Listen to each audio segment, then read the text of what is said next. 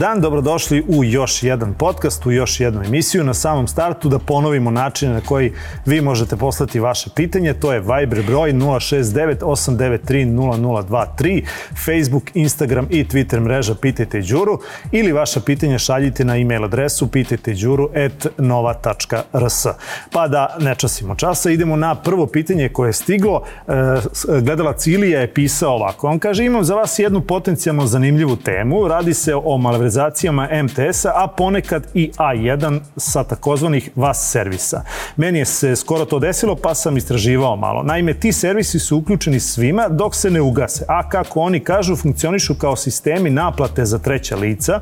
Usluge se aktiviraju otvaranjem poruka od pošiljaoca i automatski vam se naplaćuje iznos koji često nije mali. Naprimer, ja sam dobio dve poruke od broja 1111 i nakon što sam ušao u njih, ne znajući šta je to, aktivirala su mi se dva vouchera preko Digi Marketa u iznosu oko 3000 dinara koja su dodata na moj račun. Zatim sam nazvao MTS, oni su se naravno pravili ludi i rekli su mi da oni nemaju ništa s tim. Iz tog razloga sam morao da ukinem to, ali s tim se ukinula mogućnost da plaćam humanitarne SMS brojeve ili da dobijam usluge SMS-a od banke. Takođe kažu da se to sve mora platiti i da oni nemaju način da to ponište.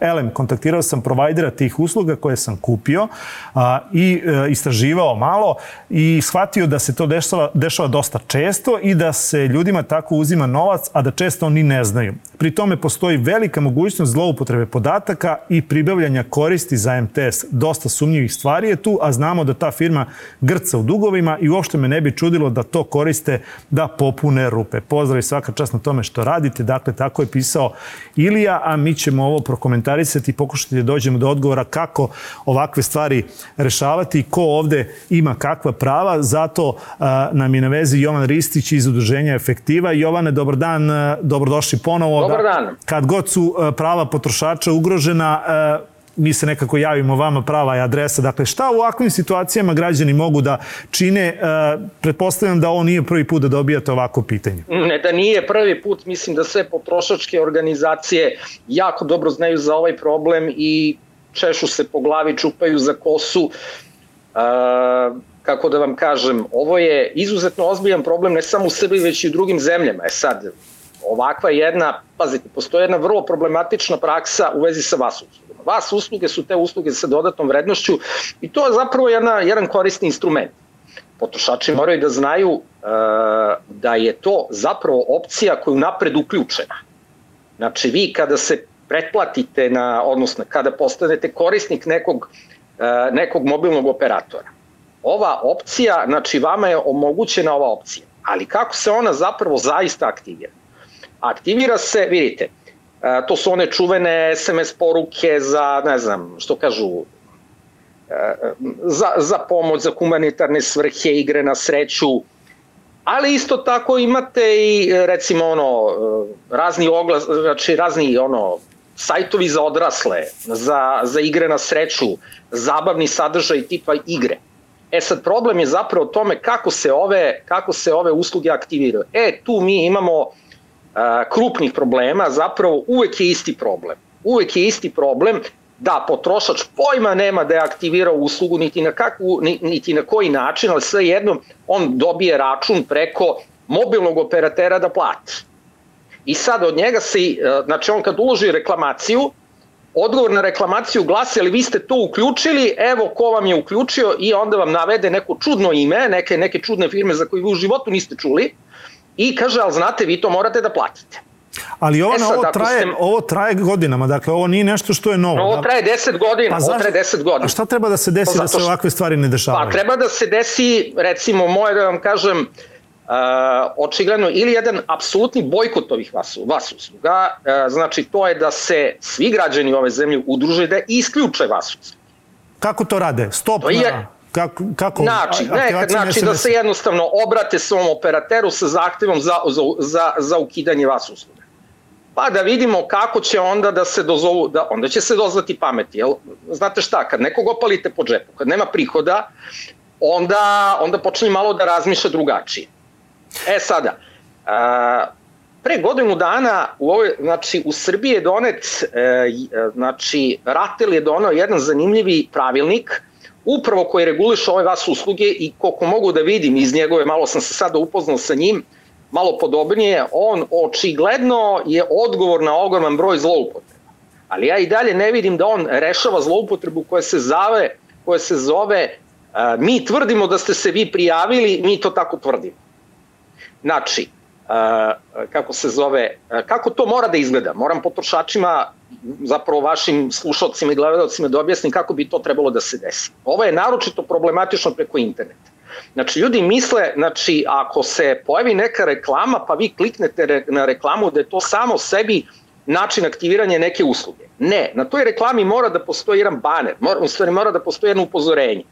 Znači, to je oblik takozvanog predugovornog obaveštavanja. Ako kliknete na ovu reklamu, odnosno ako unesete u njoj broj telefona na određeno mesto, Znači, vi ste se na taj način prijavili za ovu uslugu. Ona, cene, ona košta toko i toko. Znači, mora da postoji obaveštenje o vrsti usluge, o pružavcu usluge, o načinu pružanja usluge, u ceni, kako se ona obra, obračunava.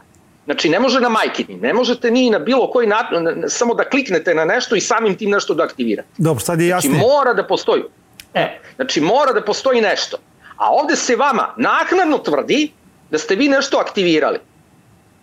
E sada, šta kaže pravilnik? Pravilnik kaže da se vi možete prigovorom, odnosno reklamacijom, obratiti mobilnom operatoru, odnosno samom pružalcu usluge. Uh, pružalac usluga, uh, oni ih zovu operatori uh, usluga sa dodatom vrednošću. Kod nas je najpoznatiji i najčešće se potrošačima javlja nekakav NTH medija. On je nekako najpoznatiji, ali postoji pružoci tih usluga koji recimo nisu u Srbiji, ima u Hrvatskoj. Kolega i Dejan smo ja smo pre nekoliko godina imali slučaj sa jednim op, takvim operatom iz Hrvatske. I šta onda radite? I šta onda radite kad Mi se to desi? Mi smo ih jednostavno zvali smo ih telefonom i postavili pitanje a koju ste vi to uslugu pružili? E, verujte, u roku od 5 minuta su deaktivirali uslugu. Ne deaktivirali uslugu, nego su odustali od naplata. Znači ovde u suštini znači, treba biti se, uporan. Često se i... desi o tome, da, treba biti uporan i odmah da vam kažem, moja koleginica novinarka meni se obratila sa molbom za pomoć upravo zbog ovog problema. Ja sam je rekao šta da napiše, napisa, pisala je Telekomu, verovatno zato što je pisala kao novinarka. Dobila je, znači, dobila je odgovor e, znači od samog, e, od samog operatora mobilne telefonije da će se njen e, prigovor razmotriti. A obično, kad se kao običan čovek e, javite, oni kažu mi ne možemo ništa, mi nemamo veze s tim, vi ste aktivirali, morate da platite. Jasno. Ali kad su videli dole potpis novinara, onda su počeli malo da razmišljaju. Dobro, znači jasno je to da na, za ovakve stvari treba biti oprezan i u suštini lek, kako e. ja dobro razumem, je da se od mobilnog operatora traži da se ta usluga ukine i onda smo mirni. Yes da se ne, pazite, da se ukine, to je najbolje, ali pazite, samo da vam kažem nešto. Vi ne možete, pazite, vi kad ste, uh, kad je vama uključena vas usluga, tu ima, evo, po ovom pravilniku ima 13 vrsta tih usluga. Kada ukine, vi možda hoćete da ukinete zbog jednog, ali ćete ukinuti svih 13, svih 13 vrsta. Jasne. Znači, to je ono što je nezgodno. Vi možda hoćete parking da plaćate vas uslugom. Znači, vas usluga je korisna stvar. Ona nije sama uh, sebi znači, kriva... Znači, to ne može pojedinačno sam. da se ukida po tim ne stavkama. Ne može pojedinačno, ili to je problem. Ili sve ili ništa, da. Ja, sve ili ništa. Znači, mene, apsolutno, ovih možda deset ne zanima. Mene zanima da plaćam parking. Jasno. Ali vi ako to isključite, vi ste uključili sve. Znači, e, moramo, ne znam kako bi se to, ja nisam, kažem, stručnjak, stručnjak za telekomunikacije, ja sam za zaštitu potrošača, ali ovde mora da se nađe način da se ove vrste usluga razdvoje. Da. A muljaže, na, znači, muljaže, ove koje sam upisao su najčešće, znači da, da se tvrdi da su ljudi aktivirale usluge koji nikada nisu aktivirali. Jasno. Jovane, hvala, nisu hvala puno na ovom razjašnjenju. Ovo će svakako biti tema i u nekom sledećem podcastu, jer očigledno uh, se ovo dešava godinama. Država prekoratila aj, možemo reći da povremeno reaguje ili nedovoljno reaguje. Vama hva, svakako hvala i Nema ja ću se ponovo obratiti ukoliko bude ovakvih pitanja. Eto, ja se nadam da smo donekle pojasnili ovu tematiku i na koji način se braniti od a, neželjenih poruka koje danas sutra mogu da vas ojade za nekoliko hiljada dinara, možda i više u zavisnosti od toga od kog operatora ili od kog e, servisa mobilne telefonije e, stigne ovakva jedna poruka. Dakle, savet u nekoj možda jednoj jednoj rečenici ne klikćite na sve što dobijete e, preko mobilnog telefona, dobro se raspitajte pa tek onda otvarajte određenu, određene poruke i određenu poštu koju dobijate na mobilne telefone. E sad, idemo na sledeće pismo, jer to zaista jeste pismo, pisano rukom. Ja ću ga pročitati. Piše gledateljka koja se potpisala kao predstavnica grupe penzionera. Pošto je pisano rukom, ja ću malo sporije čitati pa da vidite o čemu se ovde radi. Kaže ona upućeno predsjedniku Aleksandru Vučiću, predsjednici vlade Ani Brnabić i ministarki za rad, socijalna i boračka pitanja Dari Kisić-Tepavčević. Obraćamo vam se u ime ogromnog broja penzionera koji ovih dana dobijaju obaveštenja od izvršitelja o naplati potraživanja za infostan. Napominjemo da su to potraživanja stara po 10, 15 i 20 godina. U vreme kada smo trebali plaćati te račune, ostajali smo bez posla zbog, kako vi kažete, pljačkaške privatizacije. Mi sada penzioneri, a tada radnici, nismo bili u stanju da prehranimo svoje porodice, a kamoli da plaćamo račune. Sada kada su nam penzije male zbog neplaćenih doprinosa i nepovezanog staža i minimalnih plata u to vreme, kao osnovice za penziju, dolaze na naplatu računi preko izvršitelja, gde su kamate višestruko veće od glavnog duga.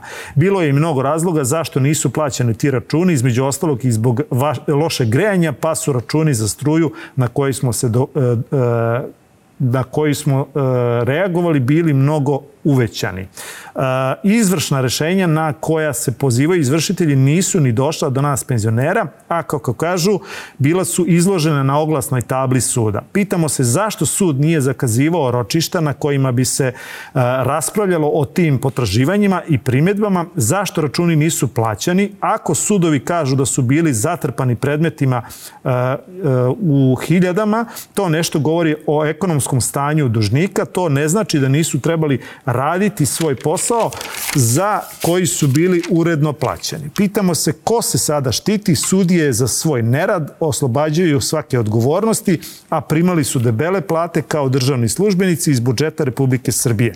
Saznali smo od advokata da ova potraživanja zastarevaju za godinu dana, a ako sud ne e, pokrene postupak, opšta zastarelost je 10 godina. Kako je moguće da se sada nastavlja postupak po e, izvršnim rešenjima od pre 10, 15 i 20 godina?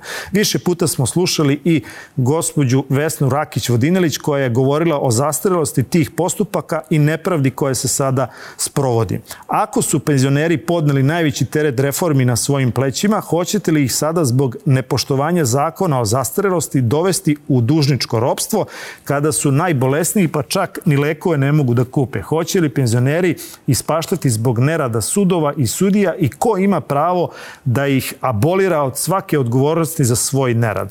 Ondašnji radnici propalih preduzeća, sada penzioneri su sa malim penzijama, ne mogu da izdrže takve namete jer blokadom penzija ćemo biti onemogućeni da plaćamo tekuće obaveze i tako se vrtimo u krug do iznemoglosti. Zato vas molimo da ukinete zakon o izvršenju i obezbeđenju i zaustavite postupak izvršenja preko izvršitelja tamo gde su sudovi stali pre 10, 15 i 20 godina.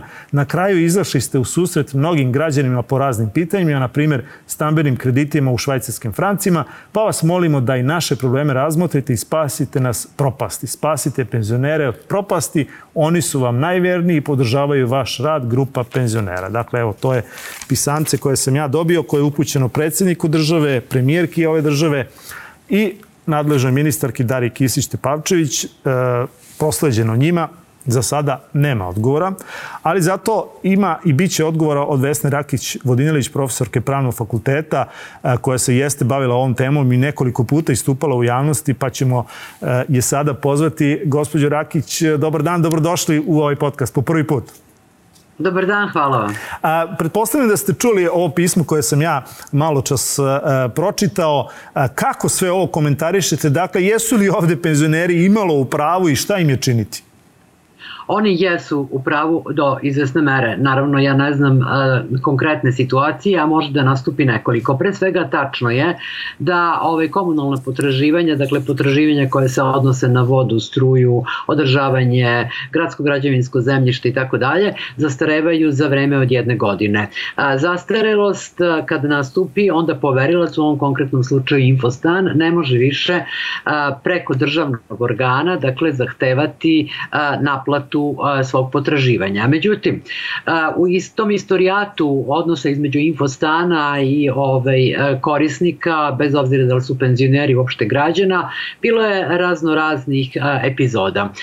Pre svega, kada su se gomilali dugovi, a da kažem oni se nisu gomilali samo niti isključivo krivicom onih koji ih nisu plaćali, jer vidimo da je tu bilo jako mnogo, pre svega ekonomskih teškoća da se plati. Ja sam sama penzionerka i pamtim vrlo dobro i vreme inflacije i vreme kada naše plate nisu vredile zapravo ništa. Dakle, u to vreme kada je to prošlo do nekle, onda su gradske vlasti u Beogradu prvo pokušale da se nagode sa velikim dužnicima, dakle sa onim korisnicima usluga, građanima koji nisu u dužem vremenskom periodu plaćali svoje, za svoje komunalne usluge. Tada su zaključivani i verujem da među potpisnicima toga pisma ima onih dosta takvih, zaključivani su ugovori koji su zapravo neka vrsta vansudskog poravnanja i kojima je građanima bilo omogućeno da te e, nakupljene dugove plaćaju u određenim ratama, bili su oslobađeni recimo kamate na te dugove i tako dalje. Ono što međutim tada nije bilo ovaj, objašnjeno građanima jeste da potpisivanjem takvog jednog sporazuma oni se odriču prigovora zastarelosti potraživanja. Dakle, i e, tu je došlo do zloupotrebe zato što naravno građani ne poznaju dovoljno svoja prava. Jasno, jasno. A, nadalje, a, ti nagomilovani dugovi a, bili su ne samo rezultat, tako da kažem, ležarnog odnosa sudova prema tužbama u neko vreme od pre 15 godina, nego i neažurnosti samog Infostana. Znate, Infostan je javno preduzeće, on zapošljava veoma veliki broj pravnika. Ti pravnici prosto nisu smeli da dopuste da dođe do zastarevanja, pa time i do nagomilavanja tih dugova i nemogućnosti da se oni kasnije isplate. Dakle, pre nego što je došla zastarelost, e, u trenutku kad je zastarelost pretila, trebalo je e, pre svega opomenuti e, građane, pa onda ako to nije urodilo plodom, jel tako, ako oni se nisu pojavili eventualno sa dokazima da su ipak izvršili svoje obaveze, onda je trebalo ići na sud. E sada, zastarelost se prekida podnošenjem tužbe, ali u roku u, u kojem zastarelost traje. Dakle, ako vi hoćete da tužite za jednu neplaćenu ratu infostana, a dospela je za isplatu ta rata, na primer, 1. juna 2011. godine, vi morate da tražite naplatu preko suda, jel tako, u roku od godinu dana, dakle do 1. juna 2022. godine. To oni nisu radili, nisu prosto vodili računa, došlo je do gomilanja ovaj, tih obaveza. Umeđu vremenu, znate, uveden je umesto tužbe jedan novi institut zakonom o izvršenju i obezbeđenju i to je bilo prilično davno, to je izvršenje na osnovu verodostojne isprave. Dakle, ne mora a, Infostan podneti a, tužbu, dovoljno je da se obrati sudu sa predlogom za izvršenje na osnovu verodostojne isprave i da tu pre, priloži izvod iz poslovnih a, knjiga svojih iz kojih se vidi da određeno vreme a, dužnik nije ovaj plaćao dug. A, tu nema nikakvog ročišta, ali a, takav jedan pre, predlog za izvršenje na osnovu verodostojne isprave kad ga sud usvoji on mora biti dostavljen dužniku. Znate, Infostan svakako zna adresu na kojoj dužnik stanuje, inače ne bi mogao da tuži za isporučenu, ne znam, vodu, struju. Ali Vesne, to se, to se, izvinjam se što sprekidam, to se nije dešavalo, dakle to se većinom nije dešavalo, ljudi nisu dobijali obaveštenja, a onda je to završeno oglasnoj tabli i gotova priča. Praksa je uh, ovaj, sudova da uopšte ne, ne vrše lična dostavljanja, ovaj, nego da jednostavno stave na oglasnu tablu suda, što je omogućio novi zakon o izvršenju i obezbeđenju i na taj način vi nemate pojma pa ko od nas ide svaki dan da gleda Absolutno. da li mu se nalazi na oglasnoj tabli suda. Ali nije samo u tome problem. Znate, problem je u tome što zastarelosti i sud i uh, sudski izvršitelj ne vode računa ex officio. Oni dobiju recimo utuženje neko ili odnosno to, to ovaj, a taj predlog za izvršenje na neku sumu koja datira iz 2005. 2006. godine. Njih to ne interesuje. Čeka se da dužnik, to jest građanin, stavi prigovora. Dužnik ne može da stavi prigovor ako uopšte ne zna da je protiv njega podnesen predlog, to visi na nekoj oglasnoj tabli. Inače, rok za prigovor je bio jedno vreme pet radnih dana, a sad je osam i mora se u tom prigovoru obavezno staviti prigovor zastarelosti za sva potraživanja koja su bila zastarela. Ako ga stavite za potraživanje koje nije zastarelo jer nije prošlo godinu dana, sud ga neće usvojiti pa će osuditi da se plati na tu sumu. A, dakle, e, hoću da kažem, to je e, jedna e, više, jedno više socijalno pitanje nego što je pravno pitanje. Adresa na koju su se oni obratili, dakle, predsedniku Republike, predsednici vlade i ministarski Republiki koja se između ostalog bavi i socijalnim pitanjima. Što se tiče predsednika Republike je pogrešna. On ne može da promeni zakon, zakon donosi Skupština, ali vlada može da predloži predlog, da da neki predlog za izmene i dopune toga zakona, recimo da vrati u takvim slučajima obavezno dostavljanje ovaj, strankama. Moram da kažem da se ceo postupak koji danas ide od infostana prema potrošačima potrošačima, prema korisnicima njihovih usluga odvija uglavnom preko advokata, što bitno uvećava troškove postupka, jer advokati naplaćuju za svoje usluge.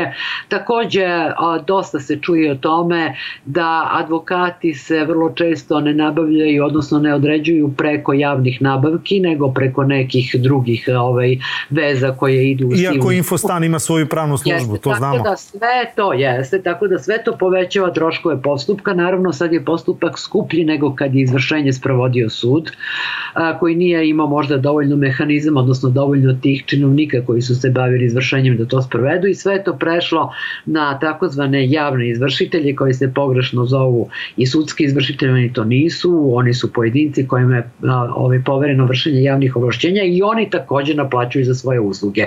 I sad zajedno sve te kamate, advokate koji se plaćaju, sve to pada, sve to prevaljeno sada kao ogroman trošak na ovaj leđa građanina. I e, to dakle nije samo pravno pitanje, to je jedno socijalno pitanje, prava adresa je ja mislim ministarka koja u svom resoru ima i, i socijalno staranje, a, ona bi mogla da predloži e, određene mere socijalne zaštite, ne mislim ja tu na socijalno stanovanje, pretpostavljam da je većina penzionera koji su vam se obratili, da su to ljudi koji žive u stanovima čiji su vlasnici, ali potrebno je obezbediti određene socijalne uslove. Ja ne znam da li ljudi znaju da ako imaju određene bolesti, malo teže, imaju pravo da traže delimično oslobađene od plaćanja komunalnih usluga, dakle to može koliko ja znam da, da ide do 50%, ali ova država nije učinila ništa da obavesti građane o njihovim pravima, učinila je jako mnogo da uteruje njihove obaveze, pa makar one i bile zastarele.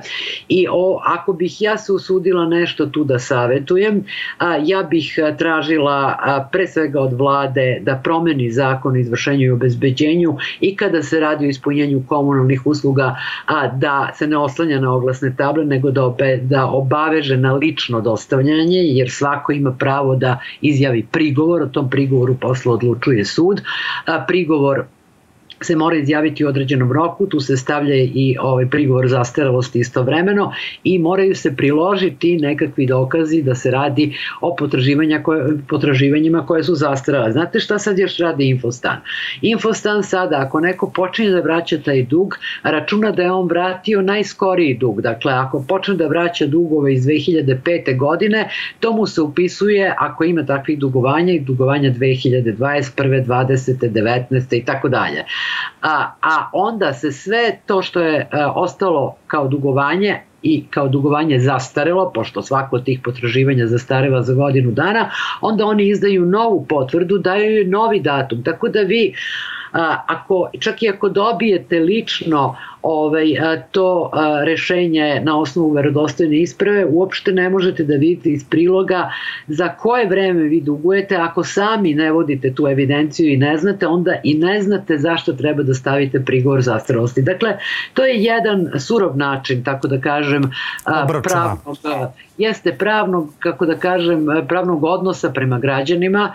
On je posledica u priličnoj meri zakona o izvršenju i obezbeđenju, ali ne samo toga, nego i prakse infostana u dugom vremenskom periodu, dakle njihovog ignorisanja toga da preti zastarao. Znate, kada biste vi meni nešto dugovali, pa ja ne bih tražila od vas tri godine, pet godina mi taj dug vratite, niti bih vas tužila ovaj sud u redu je, to je moja privatna stvar, ali infostan je javno preduzeće, ljudi koji su tamo zaposleni a, moraju im znaju da oni u ime tog javnog preduzeća vrše javno ovlašćenje i oni moraju da vode računa o dugovanjima građana, ne da čekaju da se skupe i zastirala i nezastirala potraživanja na jednu gomilu, da na to sve stave veliku kamatu a, koja teče, a, iako i kamata zastareva isto, kad zastareva i, i dug, tu nema šta, ne možete naplaćivati kamatu za zastareo i dug i naprave onda jedan ogroman obračun, tu se uračunaju još i troškovi advokata i troškovi sudskog izvršitelja i zaista glavni dug tu iznosi možda jednu trećinu od A sve ovaj, ostalo su ovih ostalih troškova. Dakle, to se mora promeniti. Pogotovo je to problem u velikim gradovima, u malim sredinama nekako to još i funkcioniše zato što se ipak zna gde ko stanuje pa ili se ljudi možda okupljaju tim ovaj, e, nekim mesnim zajednicama pa dođu do, do obaveštenja o tome da li je protiv njih podnese neki pred predlog ili nije, ali u velikim gradovima a, gde se prikuplja i najviše novca i od toga najviše interesa ima infostan i advokati i sudski izvršitelji, to se a, mora urediti na drugačiji način. A, ne treba niko ništa da moli predsednika, niti da opominje na žrtve koje smo mi penzioneri oduzimanjem ove određenog dela penzije preživeli, niti da se vraća na Miloševićevo doba. Prosto se mora konstatovati socijalno stanje stare populacije ne samo stare, nažalost, u, u ovoj zemlji i moraju se preduzeti određene mere koje će obuhvatiti veliki broj tih ljudi. Te mere može u okviru svog resora da predloži, a neke i direktno da preduzme ministarka za socijalna, boračka i druga pitanja, a vlada može da promeni ovaj zakona, a, infostan može da se uzdrži od utuženja zastarelih potraživanja. Dakle, da, ako znate da su potraživanja zastarelo, tužite po tim uslovima nepovoljni za građane, znate da građ, do građanina neće doći rešenje o izvršenju, nego će visiti na oglasnoj tabli da građani neće imati prilike da se pozove na zastarost, vi zapravo vršite jedno pravno nasilje na Gospođo Rakić, hvala vam puno na izdvojenom vremenu i što smo pojasnili i, i šire, širu sliku sve, ovog čitavog problema. Ovo dakle nije samo uh, socijalni i ekonomski problem, ovo je očigledno političko pitanje koje će se na neki način I jedino... pitanje jeste, ali naravno u celom sklopu ove, istorijata tih dugovanja to jeste političko pitanje. Hvala još jednom na izdvojenom vremenu, na pojašnjenju. Uh, gospođo Rakić, bit će prilike pa ćemo ponovo razgovarati možda na neku drugu temu, ali eto, uh, za ovo pitanje. Nadam se da smo bar donekle ja pomogli. Ja upućujem, ako istražujete ovo pitanje, upućujem vas na neke mlađe ljude, na ljude koji se okupljaju u udruženjima potrošača, koji veoma mnogo znaju o stanju na terenu, ne samo u Beogradu, nego i u drugim gradovima u Srbiji. Hvala. Mislim da je to tema koju valja obrađivati. Svakako, valja obrađivati svakako i tiče se mnogo ljudi, jasno se bave pre svega onim uh, pitanjima koje su od interesa za zaštitu prava potrošača. Hvala još jednom. Molim. Idemo na drugu temu. E, opet smo u penzijama. Vrlo kratko, za sada ne stiže odgovor na ovo pitanje. Ono što sam dobio kao obećanje iz e, PIO fonda je da će se pozabaviti ovim pitanjem i da ću dobiti vrlo brzo odgovor. Naime, e, gledalac Veljko kaže 17. jula 2020. godine sam poslao prigovor PIO fondu na konačno rešenje penzije. Do danas nisam dobio nikakav odgovor od njih. Posavajtujte me šta da preduzmem. Dakle, to je pitao Veljko Pavlović. Veljko, kao što rekoh, ja sam do dobio obećanje iz PIO fonda da će se pozabaviti ovim vašim pitanjem i da ću vrlo brzo dobiti odgovor. Nadam se u toku već sledećeg podcasta da ćete imati detaljan odgovor na ovo vaše pitanje, ovaj vaš, vaš problem. Idemo dalje na sledeće pitanje. U naselju Vidikovac, opština Rakovica, ulica Sretena Mladenovića Mik, ispred broja 50, kulja vrela voda iz šahte, sliva se trotoarom i ulicom. Havarija traje već dva meseca i niko ništa ne preduzima. Ljudi gaze po vodi do članaka, voda koja se puši, voda iz toplovoda je napravila reku koja je presekla put žiteljima naselja ka ulici Patrijarha Joannikija, javnom prevozu i prodavnicama. Da li je moguće da Beogradske elektrane dva puna meseca nisu sposobne da poprave cev ili ventil, šta god daje? Građani Beograda plaćaju ogromne gubitke, to su stotine hiljada litara tople vode, trotoar je uništen, ulica poplavljena. Ukoliko hitno ne otklone kvar, građani će se samo organizovati i skrenuti pažnju na problem na način koji budu smatrali da je primeren va, vašem odnosu i vašoj reakciji. Um, nećemo valjda da trpimo nesposobne kadrove u javnom preduzeću koje se finansira novcem građana. Ja sam dobio obećanje iz gradske uprave da će po hitnom postupku izaći na lice mesta i da će popraviti, to jest onima koji su dužni da to učine, da će skrenuti pažnju i da se nadaju da će ovaj problem biti rešen. Vas molim, dakle, da javite da li je to umeđu vremenu od kad je vaše pitanje stiglo i od kad se ovaj podcast snima i emituje, da li je ovaj problem rešen, pa se nadam da ćemo do sledeće emisije imati i odgovor na ovo pitanje. E sad e, idemo na sledeću temu. E, imamo nekog na vezi ko će nam postaviti pitanje koje se tiče opet stanovanja, ovoga puta na Kosančićevom vencu. E, dobar dan, da li se čujemo? Dobar dan, čujemo se. I vidimo se, nadam se. Vidimo se. Ja. E sad, da. Slavice, kažite mi o čemu se radi Šta je problematika na Kosančićevom vencu? Da objasnimo svim onima koji e, gledaju ovo da ovakvih stvari, nažalost, ima dosta, ne samo u Beogradu, već e, širom Srbije, ali e, da ukažemo i na to da ste vi pisali svim mogućima za koje ste mislili da su nadležni i da se ovaj problem ne rešava već, eto koliko, možemo reći sad i godinama, je li tako? Uh, jedan od problema se ne rešava poslednje tri godine, međutim tu ima sistemskih problema. Onako, zgrada je nije zapuštena, zgrada je stara, 28. godište, 1928. godište, tad je napravljena. Uh, u podrumu imamo podstanare koji nama ne smetaju. Međutim, nemamo pristup podrumu, što bi trebali po zakonu da imamo, to pripada, ovaj, to su zajedničke prostorije i po zakonu bi trebali da, da koristimo taj podrum. Poslednje tri godine iz podruma se širi prilično neprijatan miris.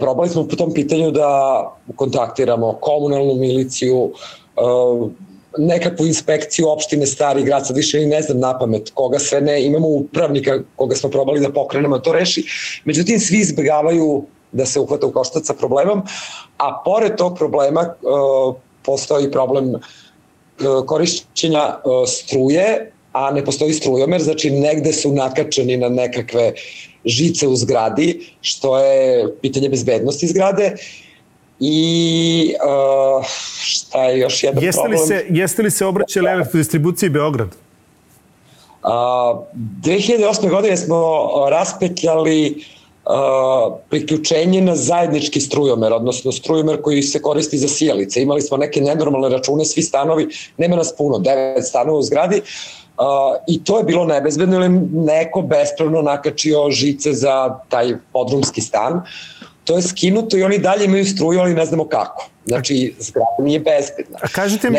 po da kom osnovu ti ljudi žive u tom, u tom podrumskom stanu? Dakle, imaju li oni ikakav papir za to gde stanuju?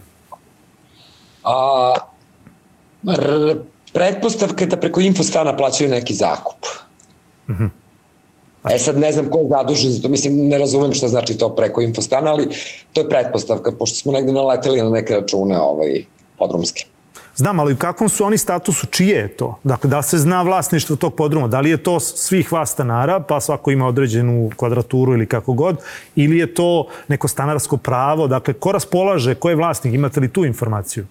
Ne, tu informaciju nemamo. O, po nekakvom pravilu mi bi o, trebali da imamo svi po parče podruma, nas devet stanova. Ovaj, Dobro u tom pomoćnom prostoru. A, koliko znamo, oni imaju pravo neki prethodni, nama se nekoliko upravnika smenilo za poslednje 3-4 godine, prethodna upravnica on profesionalni upravnici koji su zadnjih godina obavezni u Beogradu i vratno u Srbiji, poslednja je zaključila, negde istraživala i došla do zaključka da imaju pravo na 35 kvadrata od nekih 100-150 kvadrata, možda 150 ima podrum, ne znamo tačno.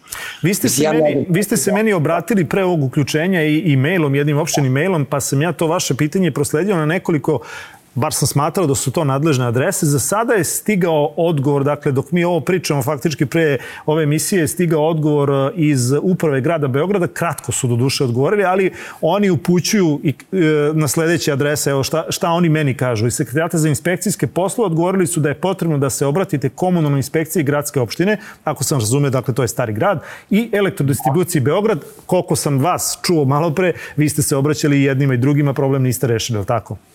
Da, elektrodistribucija nije htjela da učestvuje ni u tome kad su se kačali na zajednički strujomer. Kao, nema veze, krađa struje, to što je u okviru zgrade, ima je samo bitno da se plaćaju računi. Apsolutno. To smo ispetljali pomoću štapa i kanapa, kao da se skinu bar sa zajedničkog strujomera.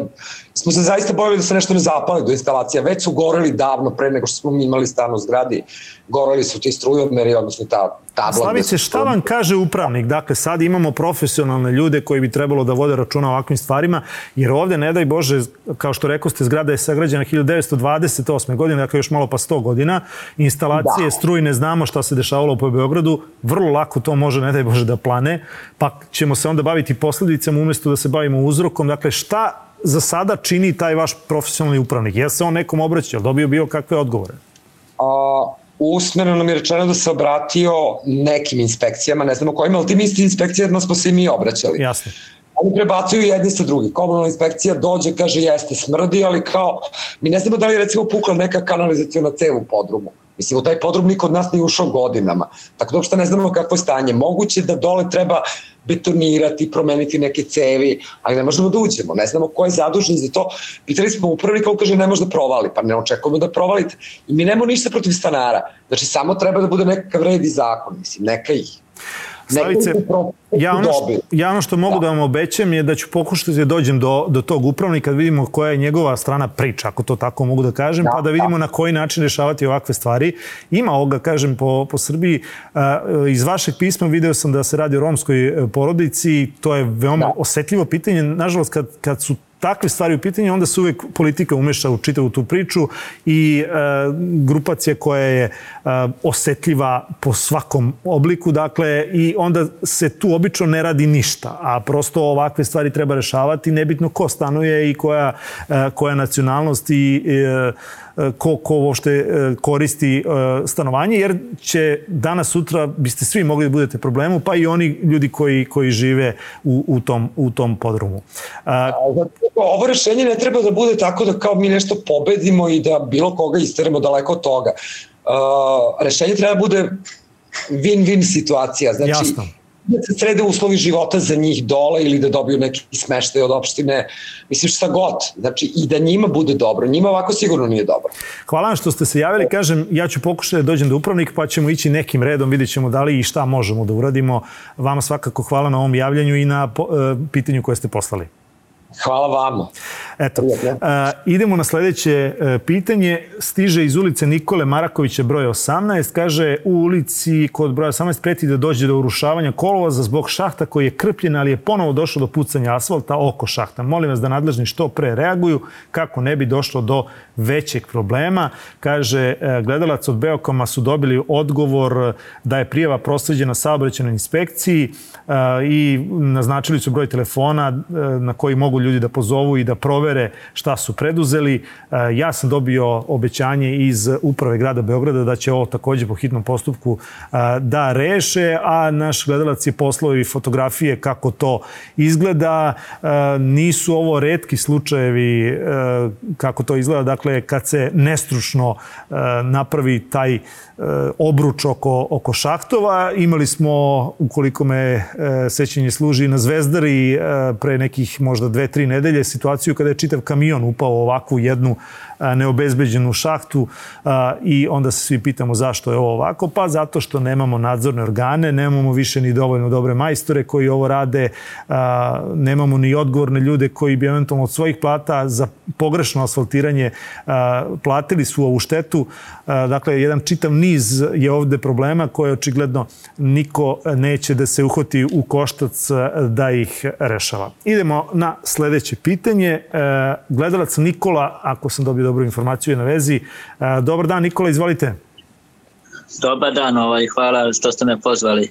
A, o čemu se radi? Dakle, šta je vaše pitanje? Evo, naše pitanje, ovaj, ako može pomoć od nadrežnih, zato što niko već deceniju ne rešava problem ovaj, u ostružnici koji imaju građani ulice Rada Brankovića. A o čemu koji se radi? Svakodnevno, pa svakodnevno prelazimo preko Brenovačkog puta, preko dve duple linije, rizikujemo život. Ovaj, u toj ulici ima 100 građana, oko 30 kuća. A čekajte, vi jeste, e, jesu vam e, dali bilo kakvo rešenje, dakle jeste se obraćali bilo kome, da li tražite pasarelu, e, pešački prelaz, semafor, dakle šta, šta mislite da bi moglo da reši taj problem? Najbolje rešenje je da se izradi ulica po planu decene regulacije. Dobro. Ovaj, ali sporno je katastar nepokretnosti i grad Beograd gradonačelnik, zamenika Beograda Goran Vesić je obećao da treba predsednik opštine da pošalje zahtev gradu Beogradu kako bi on prosredio vladi Srbije da proglase da je put od javnog značaja. Čekajte, a da li vas ja dobro razumem? Dakle, to je opština Čukarica, je li tako? Da, jeste opština Čukarica. I... Predsednik opštine, predsednik opštine Čukarice prosledio to gradonačelniku Vesiću, ali on nije prosledio vladi Srbije. I od tada nam se niko ne, od tada nam se niko ne javlja na telefon, ni predsednik opštine, ni e, Goran Vesić ajde pokušat ću ja i kod jednog i kod drugog, nadam se da ću kod ovog prvog, jer ga lično poznajem, imati više sreće pa da vidimo šta će on reći, ali ako mene dobro služi sećanje, e, slično pitanje je stiglo od vaših komšija koje a, se takođe odnosi na Brenovački drum gde ljudi prelaze, mislim da je identično ovom vašem pitanju i da sam tada dobio odgovor iz Direkcije za građansko zemljište da je tu problem oko a, vlasničkih odnosa tih parcela i sprovođenja tog detaljnog urbanističkog plana, dakle privođenja nameni i da je tu e, problem pravne prirode za sada, pa se zbog toga ne rešava ovo na terenu, to jest ne gradi se, ne gradi se ulica e, koja bi rešila bezbednost e, u saobraćaju u ovom delu Ostrožnice, je li tako? Jeste, tako je, ali Besić je obećao da čim predsednik opštine pošalje taj zahtev njemu, da će on proslediti vladi Srbije kako bi put postalo od javnog značaja i da Nikola... bi se krenuo postupak i što pre da se završi. Nikola, obećavam evo da ću pokušati da, da dođem i do jednog i do drugog, pa da vidim šta će oni da mi kažu gde je zapelo. Pa ili da, po, ili da pokušamo da njih dovedemo da vide ovaj problem koji imamo. Mislim da oni znaju o čemu se radi, ali svakako vama hvala što ste se javili kažem, obećavam, eto, e, i jednog i drugog ću pokušati da dobijem pa da vidimo e, kako rešiti ovaj problem. E, idemo dalje. Sad da se podsjetimo jednog pitanja koje već smo se njime bavili, a to je ono zvanje na mobilne telefone od strane Srpske napredne stranke, pa samo kratko podsjećanje kako je jedno od tih zvanja izgledalo, to jest u ovom slučaju pozvali su mene lično pa da čujete da se podsjetimo kako je to izgledalo ali mi i dalje nije jasno dakle vam moj broj telefona. Na primjer, je vam poznata uh, gospođa Senada Hamzagić? Ne, prvi ne, put čujem. Imamo nju. Šta? Verujte i ja isto. Ne, ne znam nijako je ona. E, najiskrenije vam kažem. Tako da ovaj, to već nije deo našeg posla da mi sad pitamo odakle i to, to je to. Ovaj, a to kad kažete da sam ja 76. godište, ovaj, to piše u imeniku telefonskom, gde piše to? Kako neko zna da sam ja 76. godište? Joj, pa evo ja mogu da pitam moju kolegini. Da, da, evo, ono upravo ono što sam ja rekla na početku, takav su nam spisak dali. A ko vam je to dao? Pa rekla sam gospođa Senada Hamzetić. A šta je ona? Pa znam isto koliko i vi. Pa kako dobili ste spisak od nekoga, ne znate ko vam je dao spisak? Pa ona je, ta gospođa je koordinator nekog tima. SNS-a, pretpostavljam, je li tako? Jeste, da, pa naravno, naravno. Da. A evo, istraživačkim novinarstvom ste se bavili vi i hvala vam na ovom pismu uh, koje govori o tome ko je Senada. Kaže gledalac ovako, nadam se da nećete zameriti na tome što anonimno pišem, jednostavno zbog porodice ne smem drugačije. Sa suprugom sam se ocelio u davno, u davnom inostranstvu, zasnovali smo porodicu i sa jedne strane nam je drago što smo uspeli sebi da udesimo život, ali sa druge strane dosta naših članova porodice i prijatelja ostalo u Srbiji. Redovno pratimo vesti, ja slušam sve podcaste, pa naravno i vaš, dok šetam decu. Ovo pišem kao reakciju na vašu emisiju od prošle nedelje SNS protiv pravno raspolaže našim podacima.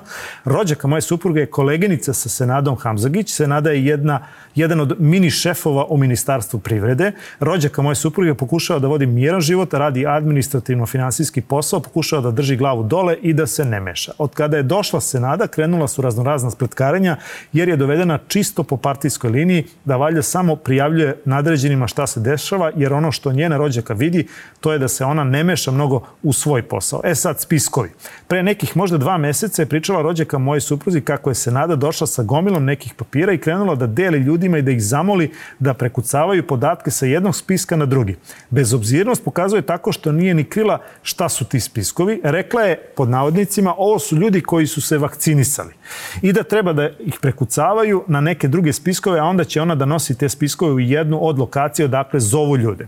Kancelarija njihovog ministarstva je Vlajkovićeve 10 i od kada je krenulo to sa spiskovima, ispostavilo se da SNS ima neku lokaciju tu blizu, u Komšiluku, odakle zovu ljude i da od tada se nada je više na toj lokaciji nego u kancelariji. Nekoliko puta na dan ide tamo ovamo. Njena rođaka je prenela sve to jer je se nada potpuno komotno o tome pričala kao dobar dan u kancelariji gde je sedelo više njih. Njena rođaka to nije radila zbog prirode njenog radnog mesta, ali je na njene oči više kolega najnormalnije uzelo te spiskove da prekucava. Puno pozdrava i sreće u daljem radu. Slušamo se. Eto, dakle, to je napisao gledalac koji se do duše javlja iz inostranstva sa jedne bezbedne razdaljine da ovako nešto može da pošalje, ali dobro. A, očigledno, oni ljudi koji su zaposleni u državnoj službi za vreme dok rade svoj posao koji je plaćen iz budžeta, bave se stranačkim poslovima, a to je istraživanje javnog mnjenja, da li je neko kapilarni glas, da li je neko siguran glas, da li će neko glasati za SNS i tome slično. Dakle, to tako funkcioniše. Vama svakako hvala što ste se javili, iako je to bilo anonimno, ali eto, ja sam to pročitao, pa razmislite malo koga mi to plaćamo i odakle ide novac iz budžeta Republike Srbije. Toliko za ovaj podcast, za ovu emisiju. Gledamo se ponovo sledećeg utorka od 15 do 16. Broj telefona 069 893 0023. Viber broj je otvoren za vaša pitanja. Takođe pišite na Facebook, Twitter i Instagram mrežu Pitajte Đuru ili pitanje šaljite na e-mail adresu pitajteđuru at nova.rs.